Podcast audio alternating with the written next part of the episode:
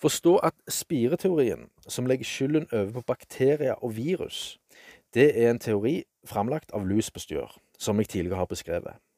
Og denne teorien ble vedtatt som et faktum på 1800-tallet, og har siden drevet moderne medisin på blindspor.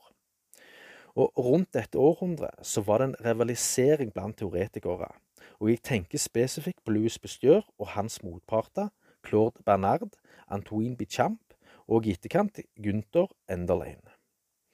De tre sistnevnte de sto for en tilnærming og forståelse for infeksjonssykdom, der bakterier og virus kun utøver en saprotrofiske og pleomorfiske egenskap i det utsatte vevet hos den enkelte.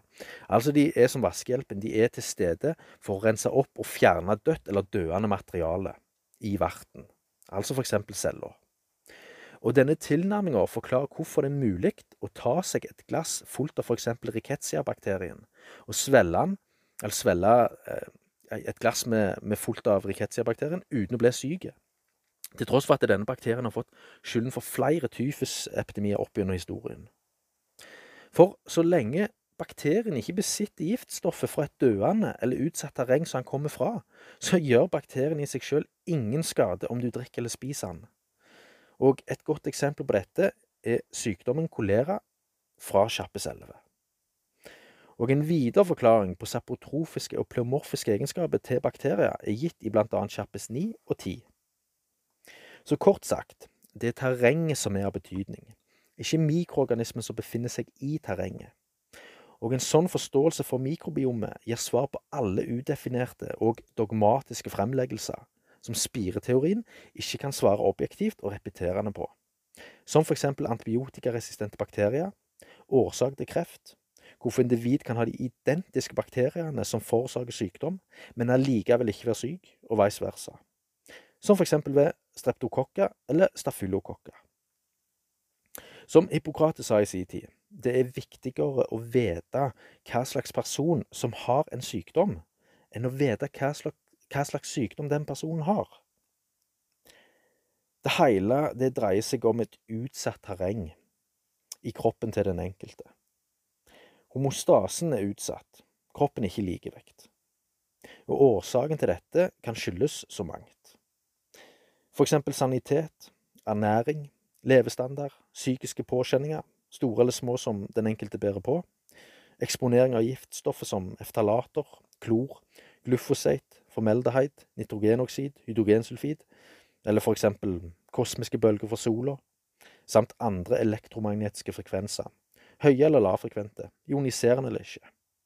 Og det er gitt en utdypende beskrivelse på samtlige av disse eksemplene i én eller flere kjappiser.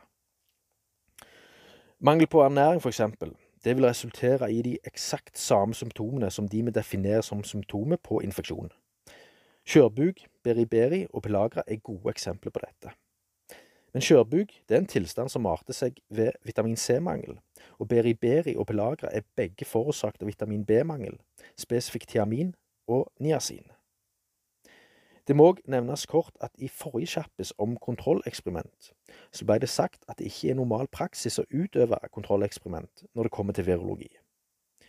Og i andre vitenskapelige omstendigheter så ville det blitt sett på som antivitenskapelig og uhørt dersom kontrollstudiet ikke inkluderes. Og en sånn type form for forskning ville aldri fått gjennombrudd i fagfellevurderinger, såkalte peer-reviewed tidsskrifter. Men når det kommer til virologi, så er kontrolleksperiment ikke inkludert i det hele tatt. Aldri. Oppriktig kontrolleksperiment, eller placebo, eller placebo om du så vil, brukes heller ikke på vaksiner, cellegift eller annen kreftmedisin. For virologi så har ikke dette vært utprøvd siden 1950-tallet, altså med tanke på kontrollstudiet. Og grunnen til hvorfor, det ble som sagt ut, uh, utdypt i forrige kjappes. Til og med mannen bak den virologiske metodikken, John Anders, prøvde sjøl i 1954 å utføre kontrollstudiet på frisk cellekultur. Og resultatet det var cytopatisk effekt i den friske cellekulturen på samme måte som den som observeres i såkalt infiserte celler. Med andre ord, cytopatisk effekt det er et resultat av prosessen i seg sjøl.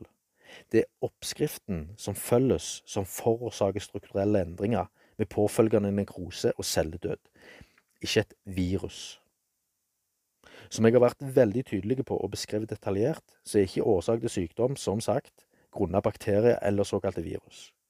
Men parasitter derimot, som eksempel typisk kan trenge gjennom øya grunnet et åpent sår på hornhinna, og over tid fortære vevet, som igjen da resulterer i redusert syn eller blindhet, det er en helt annen sak.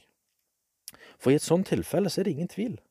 Det er fullstendig objektivt og repeterende, for parasitten den kan isoleres per definisjon, og påføres parasitten en ny vert på samme prinsipielle grunnlag som den opprinnelige verten ble infisert, så gjentar prosessen seg med tilsvarende symptomer, og bruk av siliko- og in vitro-prosesser på et laboratorie eksisterer ikke.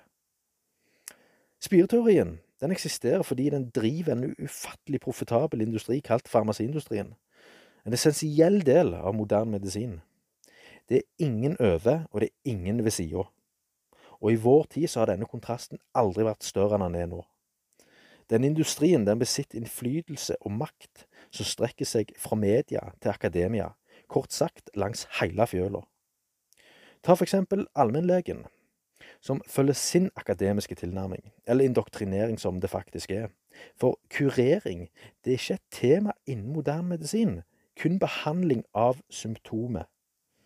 En behandling basert på farmasøytiske preparat med kjemisk framstilte virkestoff, som kun i beste fall lindrer tilstanden, men da med påfølgende bivirkninger fra preparatet eller kuren, som i seg sjøl ved vedvarende bruk forårsaker negative helseparametere dersom et spontant langtidsopphold forekommer fra pasienten, da uten bevisst endringsmønster fra pasienten sjøl, selv, selvfølgelig.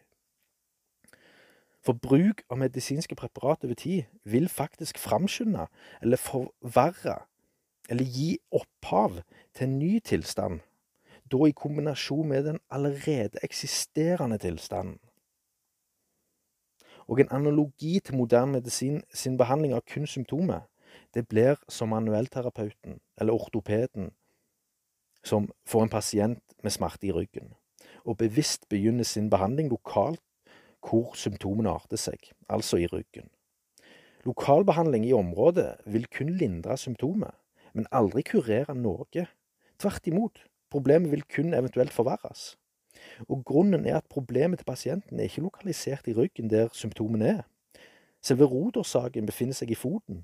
Nærmere bestemt så beveger pasienten seg daglig rundt med rigide plattfot, og problemet går fra ankel, kne og hofte og ender opp i ryggen i dette eksempelet jeg ga her nå. Og enhver behandlingsform som fokuserer på symptomet, utbedrer ingenting, kun fortrenger og forskyver en tilstand som, fører, som før eller siden kommer tilbake sterkere og større. Dette er like gjeldende, om ikke mer, innenfor psykisk helse. Som nevrologen Sigmund Freud sa, uuttrykte følelser vil aldri dø. De blir begravd levende og vil seinere komme fram på styggere måter.